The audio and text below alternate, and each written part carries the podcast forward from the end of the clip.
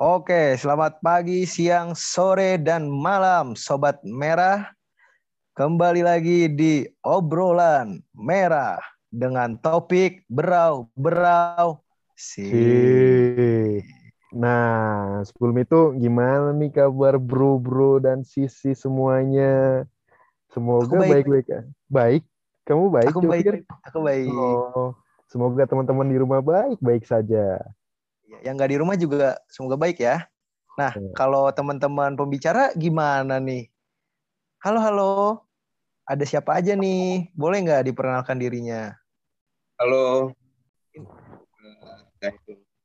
dan bersama teman dua teman gue Radit dan Igede Arya. Oke, Hoirul apa kabar Hoirul? Masih masih sepedaan? Alhamdulillah enggak enggak ada sepedanya. Oke, oke, oke. Hmm, gede tapi, gede. Hmm.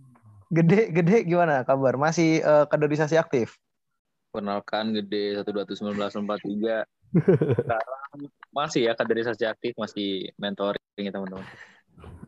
Alhamdulillah ya, semoga adik-adik yang dididik berkembang ya.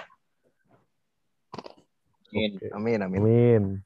Terus terakhir nih, Radit. Gimana Radit? Masih magang Yuda Bumi? udah lewat. udah lewat ya, udah lewat. iya, iya, iya. Oke deh. Oh iya. Iya. Oke, oke dia malah ngobrol sendiri. Halo teman-teman semuanya, perkenalkan saya Jopir. Nama lengkapnya Ari Zafir 12191004, biasa dipanggil Jopir VOD. Bersama teman hmm. saya, silakan. Bersama saya Rafli Hanan 1211901. Kalau tadi Jopir dipanggil Jopir VOD, saya dipanggil Rafli Anfo belum emulsi berarti masih nggak tahan air ya kamu ya? Belum, masih harus dipanasin dan dicampur dengan fuel oil. Cakep, pinter nah. anak mama. Ya udah, langsung kita kenalkan nih tamu-tamu kita uh, sebagai apa maksudnya nih dia di pembicara ini sebagai apa gitu. Nah, jadi ini untuk sobat merah semua. Jadi kita hari ini kedatangan tiga tamu yang fenomenal. Wow, nah, wow, wow, wow. Kan sekarang anak-anak zaman sekarang tuh udah mulai katanya magang-magang gitu kan. WFH, WFH, WFO. Nah ini kita hari ini kedatangan tamu dari HMT ITB angkatan 2019. Nah, Uhuy. kebetulan mereka bertiga ini adalah uh, magang dari Berau. Nah, Berau tuh apa sih? Itu agak nggak bisa dibercandain biar takut kena. Okay. Nggak bercanda beneran. PT oh, apa gitu maksudnya. Oh, Kenapa okay. jadi bercanda apa apa jadi. Oke. Okay. Nah, Berau tuh ah nanti kita dengerin aja ya penjelasan oh, mereka. Aku juga bener, bener, bener.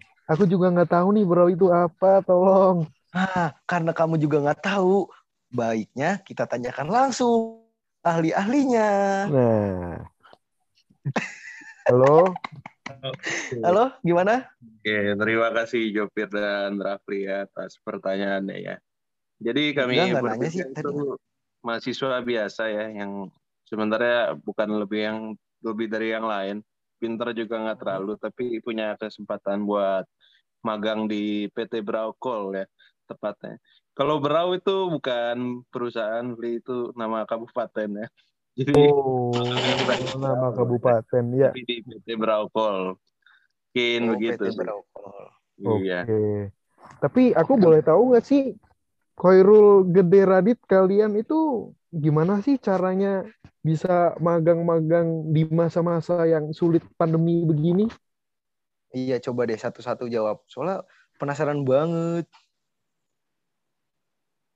Nah, mungkin dari yang paling muda dulu ya, Koirul mungkin. Ah, muda banget tuh. Dari yang paling muda, silahkan. Coba, Rul, gimana Rul? Kok bisa? Ya. Awalnya tuh gimana? Oke, yang paling muda dulu lah ya, karena saya masih 18 tahun lah.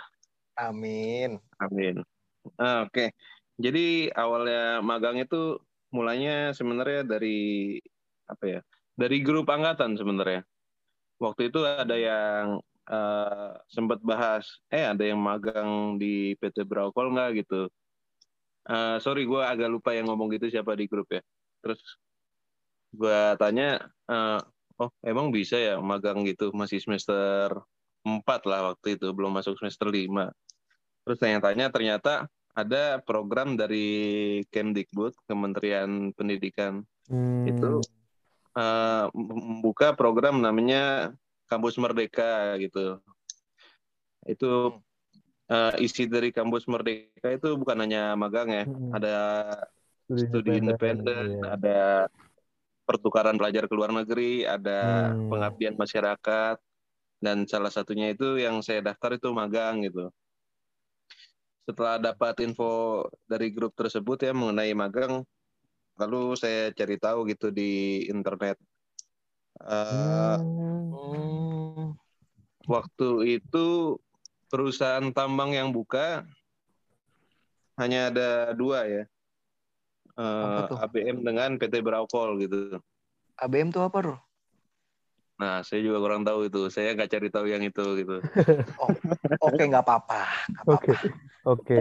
ABM nggak tahu, tapi Brau tahu. Ya, terus akhirnya habis nemu di internet. Nah, saya hmm, waktu itu sebenarnya yang daftar duluan itu bukan saya. Tapi yang daftar magang duluan itu bukan saya, tapi teman saya sendiri yaitu uh, Ferdi ya alias John. Tahu lah ya. John Ferdi oh. ya. Ferdi. iya iya iya tahu. Tapi dia berarti nggak dapet kan soalnya kita nggak wawancara. Yo i.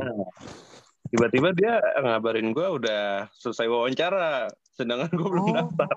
Oh. Wah sialan ya orang kagak Iya. Ngabar ngabarin gue daftar daftar magang kan. Santai santai santai Rul. Berarti kamu daftarnya terakhir-terakhir ya Rul ya? Ya nggak terlalu terakhir lah. Oh nggak terlalu terakhir. Itu sekitar bulan kapan tuh Rul? Bulan apa ya? Bulan bulan delapan gitu. Bulan Agustus kira-kira. Oh, Kayak Juli Agustus. Oh. Nah, hmm. dengan info eh Bro, gue habis wawancara nih, wawancara apa? Wawancara magang. sialan kan gue makin panik yang awalnya pengen ikut juga. Oh ini malah udah wawancara kan gitu. Sedangkan gue duluan bikin, ya. bikin CV aja belum gitu. Nah dengan kepanikan itu ya udahlah. Ah. gue bikin CV dan langsung lah apply sekitar bulan Agustus itu.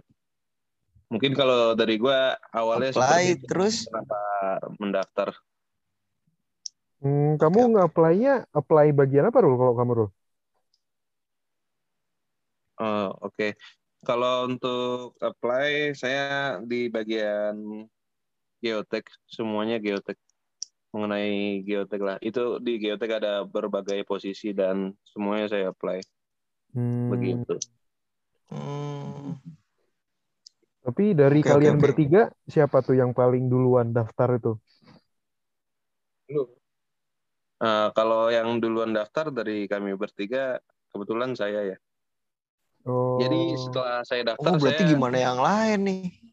Iya, setelah saya daftar baru saya mengajak orang-orang. Salah satunya ya mereka berdua Radit dan Gede gitu.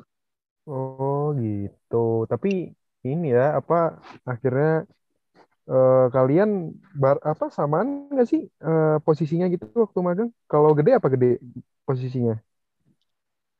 Oke, kalau posisinya kami sebenarnya beda-beda ya. Istirahat tambang bukan? Tadi, oh, beda. Kairo okay. geotek. Okay. Kalau Radit sama saya sebenarnya titernya sama main engineer. Cuma Radit di planningnya, kalau saya di produksinya. Hmm, berarti mining engineer, bro. Engineer. Oke, kebetulan kami berdua juga kemarin baru resmi menjadi mining engineer. Oh enggak, saya, Jopir nggak ikut. Karena kami mengikuti ekskursi ke tambang emas di daerah Tasik. Jadi udah udah siap lupa kan, lupa kan namanya. siap. Oke. Okay. Yang penting foto. Yang penting foto pakai Oke, okay, itu kan ya. tadi udah nih please si Hoirul. Coba kalau dari gede awalnya apakah sama aja sama Hoirul dapat dari grup atau ditawarin Hoirul berarti tadi ya, ditawarin Hoirul terus baru mulai bikin CV buat buat buat wawancara akhirnya dapat apakah gitu juga? Oke, ganti ke saya ya selanjutnya. Kalau boleh, silakan. dari saya sendiri um, ini sih kurang lebih udah tahu juga dari internet dari sosial media tentang MBKM ini kan. Cuma nggak nggak yang sampai tertarik buat daftar gitu karena belum ada teman gitu mungkin ya. Terus kebetulan banget waktu di Bandung waktu itu lagi di Bandung dan Koirul satu kosan kebetulan banget tuh. Dia baru datang ke Bandung.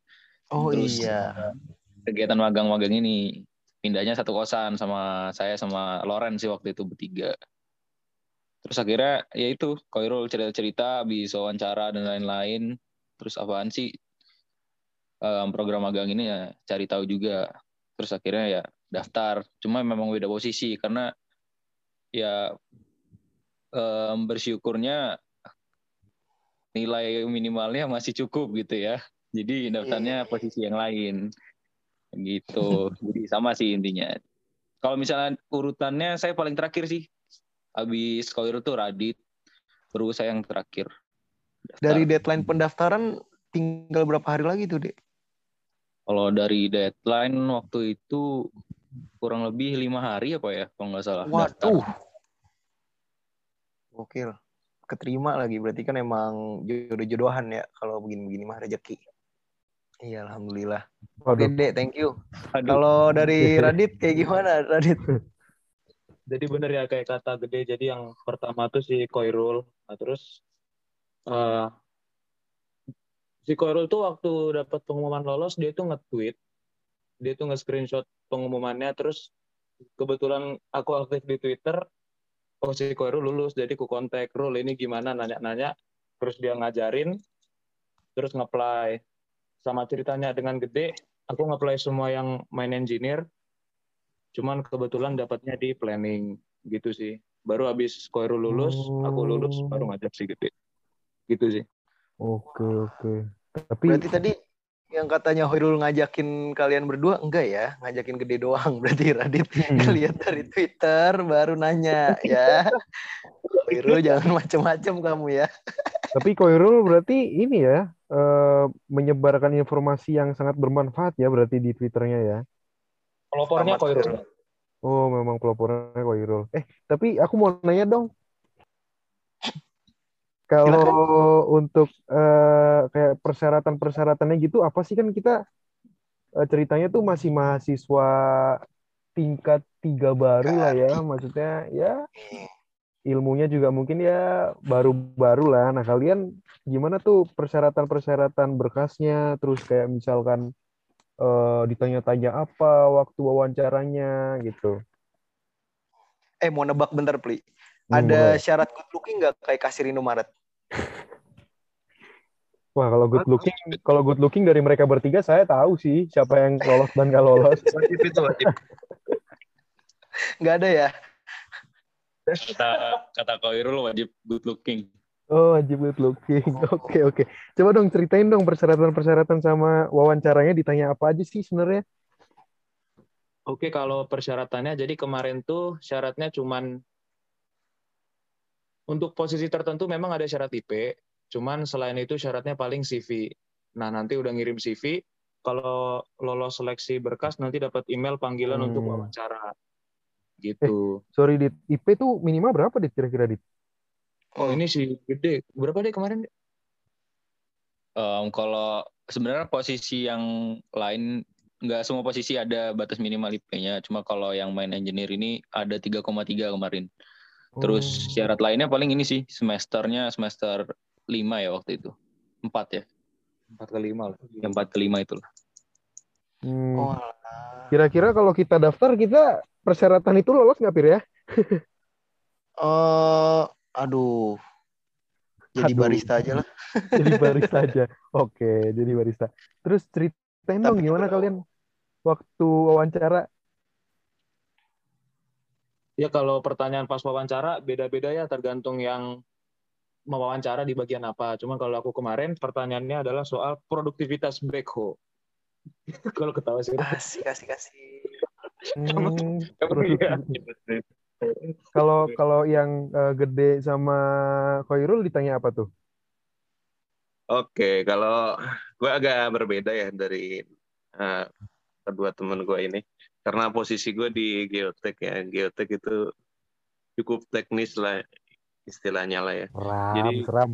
Uh, gue kacau lah ditanyain uh, modulus yang modulus apa direksir gitu sampai ditanyain modulus yang batu pasir apa sandstone berapa gitu. Wah kacau lah pokoknya. Gue nggak expect sih bakal ditanya gitu tapi tapi emang dari gimana? awal di persyaratan emang apa ya ditulis lah memiliki ketertarikan dengan mekanika batuan gitu. Hmm. dan ya uh, gue suka mekanika batuan tapi gue bukan yang orang yang jago gitu dan tahu segala hal tentang mekanika oh, batuan gitu. gitu. Jadi ya nggak expect lah bakal ditanyain begitu tapi kamu kalau sempat gitu belajar nggak, Rul? Mempersiapkan Kenapa? mempersiapkan wawancara itu kamu sempat belajar dulu nggak? Uh, iya. Yeah.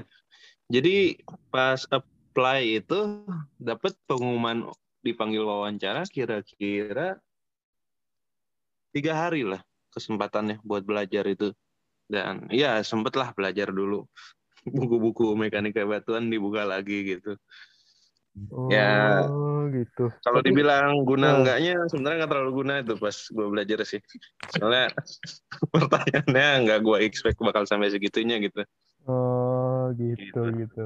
Eh, tapi, tapi ini saja sih. Uh, sorry, pertanyaan intermezzo. Itu yang wawancara HMT bukan tuh? Iya, HMT. Oh, ini iya. nggak apa-apa lah ya. Nggak apa-apa dong. Santai aja lah ya. Santai. Yang wawancara HMT 2001. Uh. Yang sekarang jadi manajer di Departemen Geoteknik. Oh, berarti langsung sama manajer geotek ya kamu diwawancara ya, Rul ya? Iya bener, kebetulan aja sih itu. Hmm, tapi kamu ditanya-tanya soal HMT nggak, Rul? Kalau HMT sebenarnya nggak terlalu sih, cuman ditanya di kampus ngapain aja gitu, ikut acara wisuda, ikut acara dies, itu aja sih paling. Oh, alah. Hmm, berarti HMT memang di mana-mana ya, Rul ya, kayaknya ya, Rul ya. Ya, kalau di sini bisa dibilang cukup banyak lah HMT. Di mana-mana, Pri. Kemarin di DU ada, di Tubis ada. Waduh. Di situ gue lewat ada Memang semua. HMT Brotherhood. oke, oke, oke. Terus kalian gimana tuh setelah kalian bertiga keterima? Terus berarti kan kalian udah izin ke orang tua dulu kan sebelumnya kan? Iya tuh. Nah, itu eh, proses setelah kalian keterima sampai kalian eh, berangkat itu gimana tuh ininya? Apa aja yang terjadi di ya, situ? Persiapannya. Persiapannya apa? Coba boleh siapa gantian? Radit, Radit jawab Radit. Gede, gede dong, gede. Coba okay. ya, tadi dari awal mau berangkat ya mungkin um, awal-awal tadi kan ya ada pendaftaran itu ya, terus wawancara.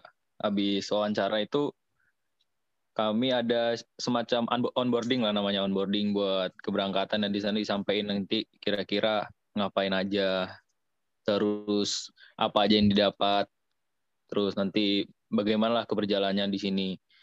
Nah setelah itu dari sana baru kami berangkat tuh naik pesawat masing-masing dari kampung halamannya ya.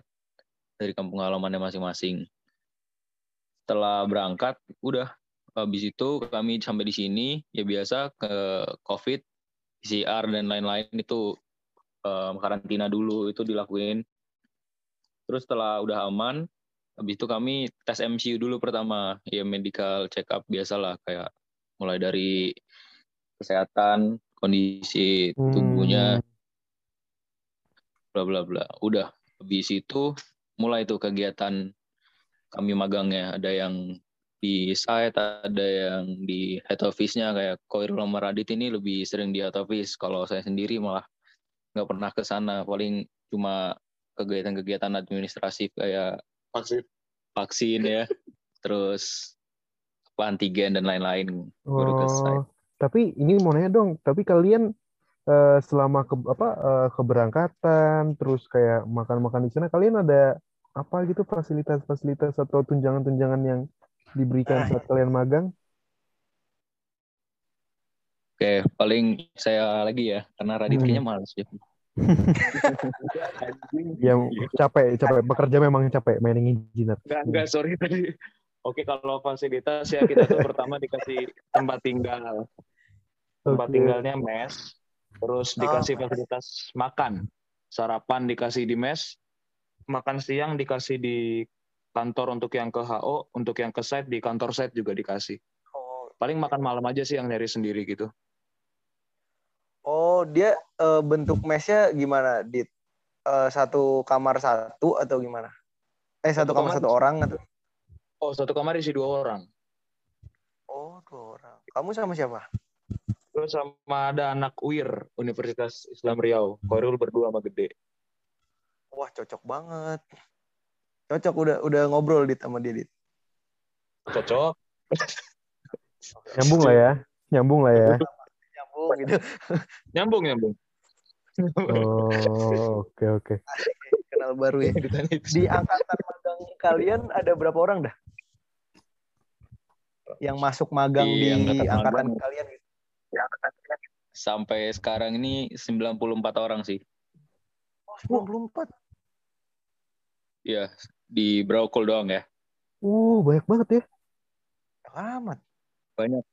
Ada yang dari macam-macam jurusan lah, nggak cuma tambang doang. Bahkan kalau bisa dibilang tambang termasuk cukup sedikit ya dibandingin jurusan lain gitu. Oh, jurusan apa coba kira-kira yang paling kelihatan gitu? Selain tambang. Uh, enggak sih. Paling banyak itu informatika sih rombongan. Uh. Jadi di PT Braukol itu departemennya banyak ya. Mungkin perusahaan tambang yang lain sebenarnya departemennya juga bervariasi lah nggak cuma sekedar nambang lah. Ada departemen yang ibaratnya sebagai support system di perusahaan tambang itu gitu. Hmm. nah jadi di Brakol itu ada departemen yang itu full orang IT semua gitu. Buat ngurus apa masalah website. database di perusahaannya website. Dan itu malah kagetnya malah yang paling banyak gitu di sini dari di jurusan informatika masuk ke perusahaan tambang gitu. Oh, malah mereka yang banyak ya ternyata ya. Itu yang pacar anak informatika bisa diajak kerja bareng. Wah, apakah ini saatnya? Jangan, jangan. Oke, okay. lanjut. nah, aja, uh, ceritain banget deh uh, agak rinci gitu kayak si Hoirul di geoteknya tuh ngapain gitu kalau masuk kantor jam berapa pagi terus ngapa-ngapain ibarat kata gitu. Radit main planner kan maksudnya belum dapat matkul hmm. tugas-tugas itu tapi tiba-tiba udah main plan jadi ngapain gitu? Apakah cuma nggak pongo jadinya? Hmm. nah si itu kecepatan dam truk apa gimana gitu ntar di sana coba. Dari Hoirul deh. Hoirul Hoirul ya uh, Oke, terima kasih pertanyaannya. Mungkin gambaran kasarnya aja lah ya, karena kita juga nggak bisa omongin semua apa yang dikerjain karena itu termasuk rahasia perusahaan itu. Uh, James Bond siap. Siap. Oke, okay. okay, lanjut lanjut. Jadi kalau gue sendiri di uh, geotek uh, sebagai evaluator geotek lah istilahnya. Jadi uh, kasarannya gimana ya? Susah juga nih ngomongnya nih kalau enggak gak apa-apa pakai bahasa teknis gak apa-apa. Gue ngerti rule sama Rafli mah. Kan udah Rafli Anvo Jopir VOD ini tenang aja bro. Tebingnya strike and deep gitu atau gimana? Iya, jadi evaluator kayak uh, mengevaluasi desain yang telah uh, dieksekusi lah begitu. Jadi tugas spesifiknya mungkin gue lebih ke uh, visualisasi data pengeboran dengan data laboratorium ya. Jadi uh, gue belajar gimana caranya uh, mendapatkan data logbor, jenis-jenis logbor dan uh, diajarkan juga bagaimana pengujian geoteknik, uh, pengujian sampel batuan dan itu gue diajarin itu semua dan bagaimana gue bisa membuat uh, kemudahan untuk mengakses data pengeboran dengan data laboratorium. Jadi uh, selain belajar mengenai itu, uh, magang kampus Merdeka itu dituntut untuk menyelesaikan suatu proyek gitu yang sudah ditentukan dari awal gitu. Oh, Dan di gitu. Di proyek gua itu uh, uh, problemnya itu sebenarnya data logbook itu sangat banyak gitu.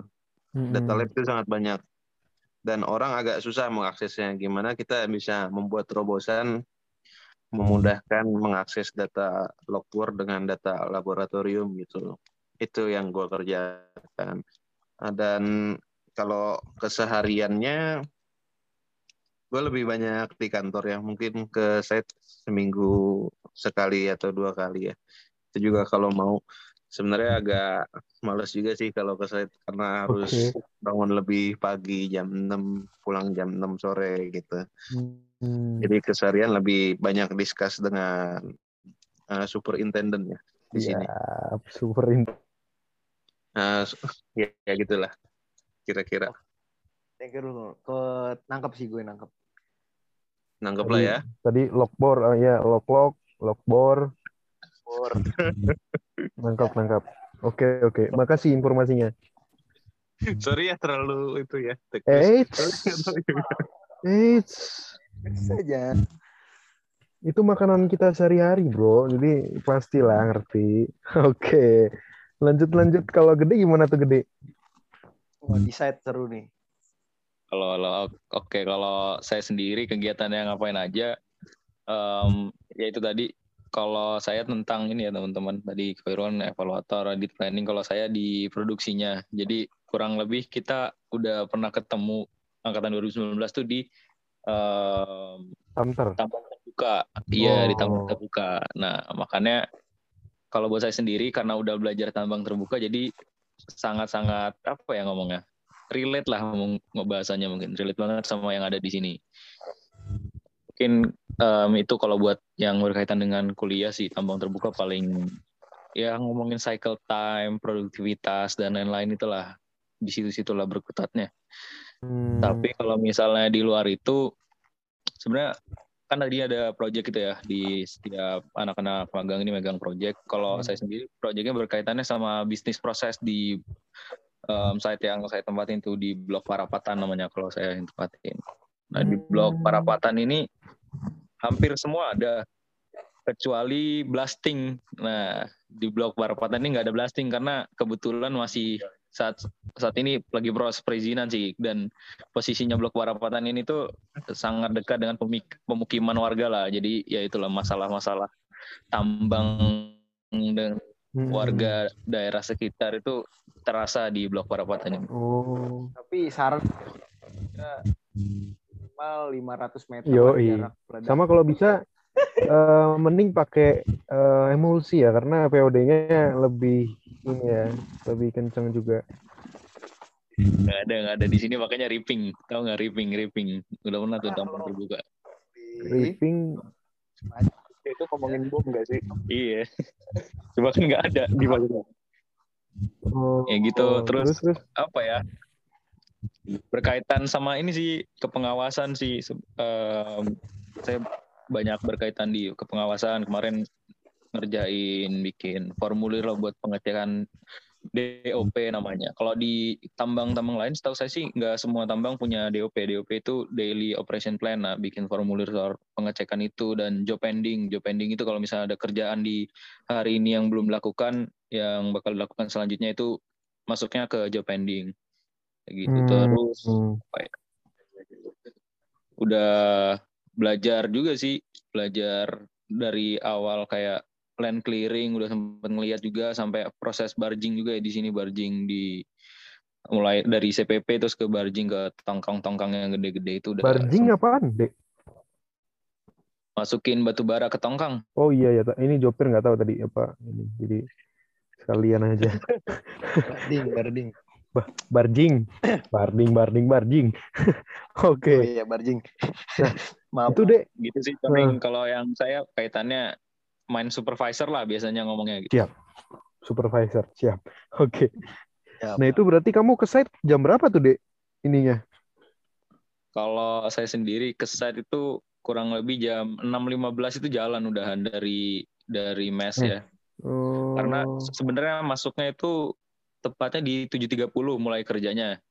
Tapi kebetulan dari di sini kan bareng-bareng gitu ya fasilitasnya mobil hmm. bareng-bareng buat yeah. antar jemputnya jadi ada site yang jauh, ada site yang deket, semuanya jadiin satu di jam 6 lah, jam 6 sampai 6.15 itu udah jalan mobil-mobilnya. Hmm. Kalau gitu ininya ke site-nya tiap hari nggak sih, atau kalian apa magang itu tiap hari atau ada hari liburnya gitu? Kalau kami sendiri liburnya paling di ini sih di hari Minggu kalau buat saya pribadi di hari Minggu doang. Hmm. Ya ada yang minta juga sih uh, manajernya buat masuk lebih lama lah biar belajar lebih banyak katanya gitu. Oke, okay, oke. Okay. Biar belajar lebih banyak. Berarti yeah.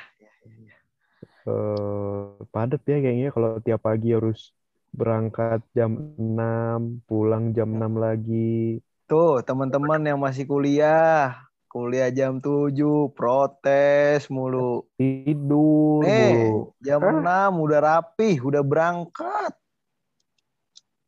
udahlah. Ayolah. Semangat biar sukses. Berubah bro. Berubah. Nah lanjut lanjut. jadi motivasi? Iya lanjut. Kalau kalau Radit gimana di soalnya uh, aku lihat-lihat kalau di Twitter kayaknya kamu banyak mengeluh ya terkait main plan main plan kamu itu ya. Coba ceritain dong gimana tuh?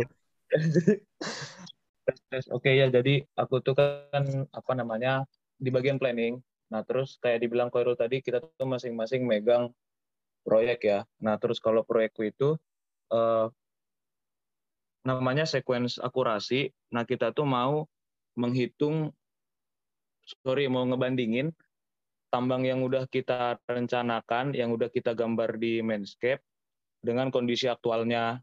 Jadi itu kita bandingkan seberapa persen kesamaannya. Apakah dia kita potong terlalu dalam atau apakah dia kurang kurang dalam kita motongnya dan analisisnya segala macam. Nah itulah yang jadi proyekku. Kalau untuk tempat kerjanya, karena yang ku kerjain itu kayak gitu, jadi sebenarnya nggak nggak ada kepentingan yang gimana banget untuk ke site. Makanya aku tuh lebih dominan di head office sama si Koirul. Paling waktu kerjanya kalau di HO itu Senin sampai dengan Jumat. Jadi kalau aku pengen ke site, paling minta izin sama mentor ya. Cuman jarang banget aku Senin sampai Jumat ke site. Uh, minggu-minggu terakhir ini aku paling ke site-nya di hari Sabtu. Jadi biar nggak mengganggu proyek maksudnya. Gitu. Nah terus kalau berangkatnya sebenarnya bisa pakai mobil kayak yang dibilang gede. Cuman kebetulan di site yang tempat proyekku itu di hari Sabtu jarang anak apa jarang ada orang yang ke sana anak magangnya paling aku doang jadi karena gitu aku harus ke HO terus nanti berangkat bareng bis karyawan bis karyawan tuh gerak jam 6 juga sih gitu. Jadi itulah kalau kesibukanku sebagai magang di planning gitu sih. Oke oke padat juga dit ya mana maksudnya bidang yang kamu iniin sekarang belum pernah dipelajari banget gitu secara rinci dan benar-benar harus belajar sekarang. Oke salut sih. The best. Oke ini mungkin kita udah ngebahas cukup banyak segala macam yang tadi sudah disebutkan. Hmm, Oke, ini kita coba tanya nih.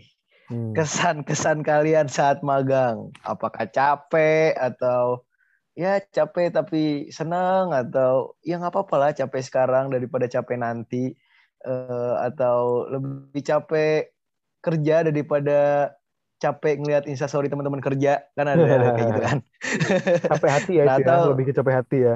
Iya capek hati. Atau pengalaman yang didapat sangat worth dengan apa yang dikerjakan sekarang gitu. Coba boleh. Siapa aja? Silakan. Oke, mungkin gue dulu lah ya, Fir ya boleh ya? Boleh, boleh. Oke, jujur kalau ditanya capek kuliah atau kerja, gue lebih memilih capek kerja sih ya. Uh, karena di apa ya lingkungan kerja cukup menguras tenaga lah dari jam 6 pagi berangkat sampai 6 sore pulang gitu. Dan di sana benar-benar uh, hiburannya kurang banyak lah. Cenderung lingkungannya semuanya kerja gitu sedikit yang apa ya leha-leha gitu di kantor gitu. Dan tapi di apa, terlepas dari capek itu banyak banget lah yang dipelajarin di magang ini terutama ilmu-ilmu pertambangan yang dulu dipelajarin di kuliah itu kepake banget gitu. Dan sangat-sangat worth it lah untuk belajar ilmu tambang di perusahaan tambang langsung. Seperti itu kalau dari gue sih. Oke, okay, thank you, Rul. Coba terima iya benar-benar itu apa pelajaran yang pakai segala macam ya bermanfaat banget lah dan menambah pengalaman. Nah, Gila.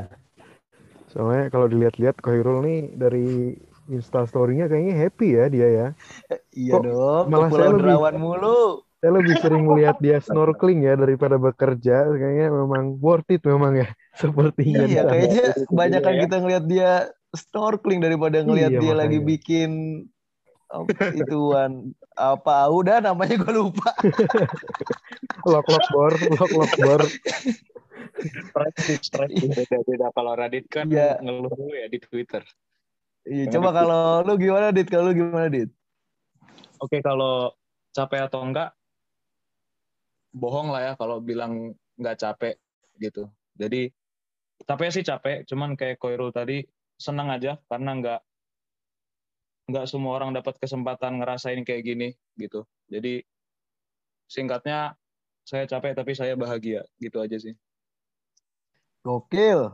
Gokil, gokil. Always happy, always ready, always listening, always understanding. Yes.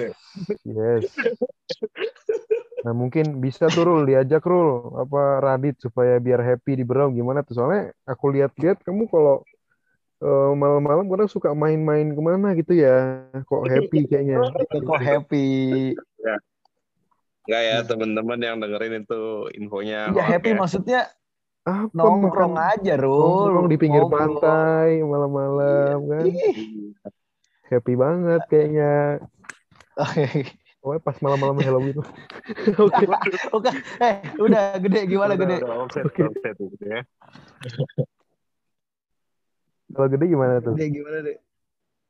Oke, kalau kesannya tapi tadi capek pada bahas capek. Ini hmm. orang-orang ini kayaknya pada lebay ya. Cuma di office hmm. doang bilang capek-capek. Ini. Oh,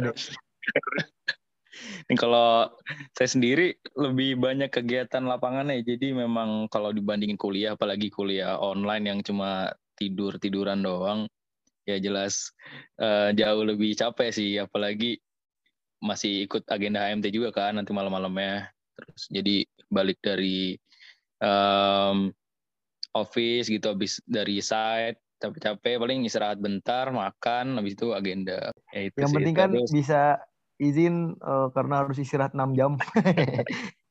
lanjut deh, lanjut. Apa, tapi kan itu memang um, kewajiban dari perusahaan juga kan. Biar iya, istirahat. Benar, benar, Ada benar, istilah fatik di sini tuh, istilah fatik orang-orang yang terlalu capek. Sultan Alfa. Oh, fatik ini apa? Itulah yang multivitamin yang fatik.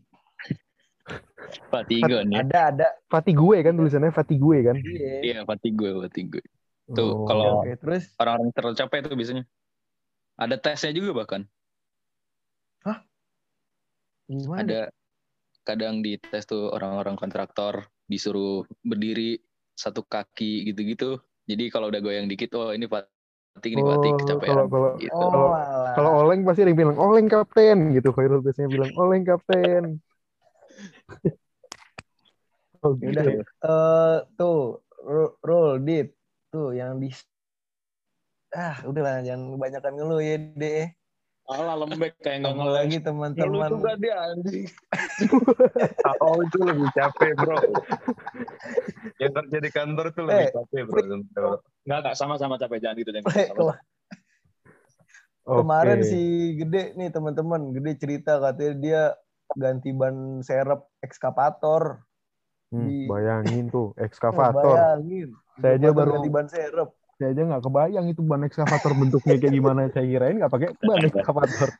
Eh, tapi emang beneran ada tahu ekskavator pakai ban? Namanya wheel ekskavator di sini ada juga. Nah oke okay, nanti mungkin bisa dipelajari bersama Kak Bujeng. Ya nanti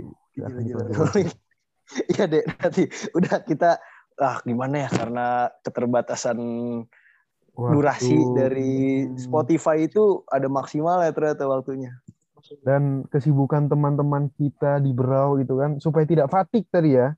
Ya, yang dibilang supaya fatik. tidak fatik. Nah, ini mungkin ya kita cukupkan obrolan kita pada podcast hari ini. Nah, obrolan merah. Si Yo, coba terakhir uh, sebelum kita tutup nih mau minta pesan-pesan deh dari kalian coba uh, singkat aja dari bertiga buat teman-teman yang masih kuliah gitu di TB khususnya anak-anak tambang nih di TB. Boleh nggak? Enggak, sorry. Pertama gini kita ini masih kuliah gitu. Kita ini masih mahasiswa aktif juga. Jadi ke sana kayak kita nggak kuliah lagi ya. Ini bilang sama dia. Gak apa-apa. sengaja, sengaja, sengaja. Tapi dari tampangnya sih kok enggak ya kayaknya ya. Enggak, enggak mahasiswa kuliah ya. Udah cocok udah stay aja kamu di sana Khairul. Berasa angkatan 98 gitu ya. Iya kepada adik-adik tolong dijaga semangat. Boleh deh. Kira-kira siapa tuh satu perwakilan kasih pesan-pesan apa kek gitu. Oke, okay, boleh.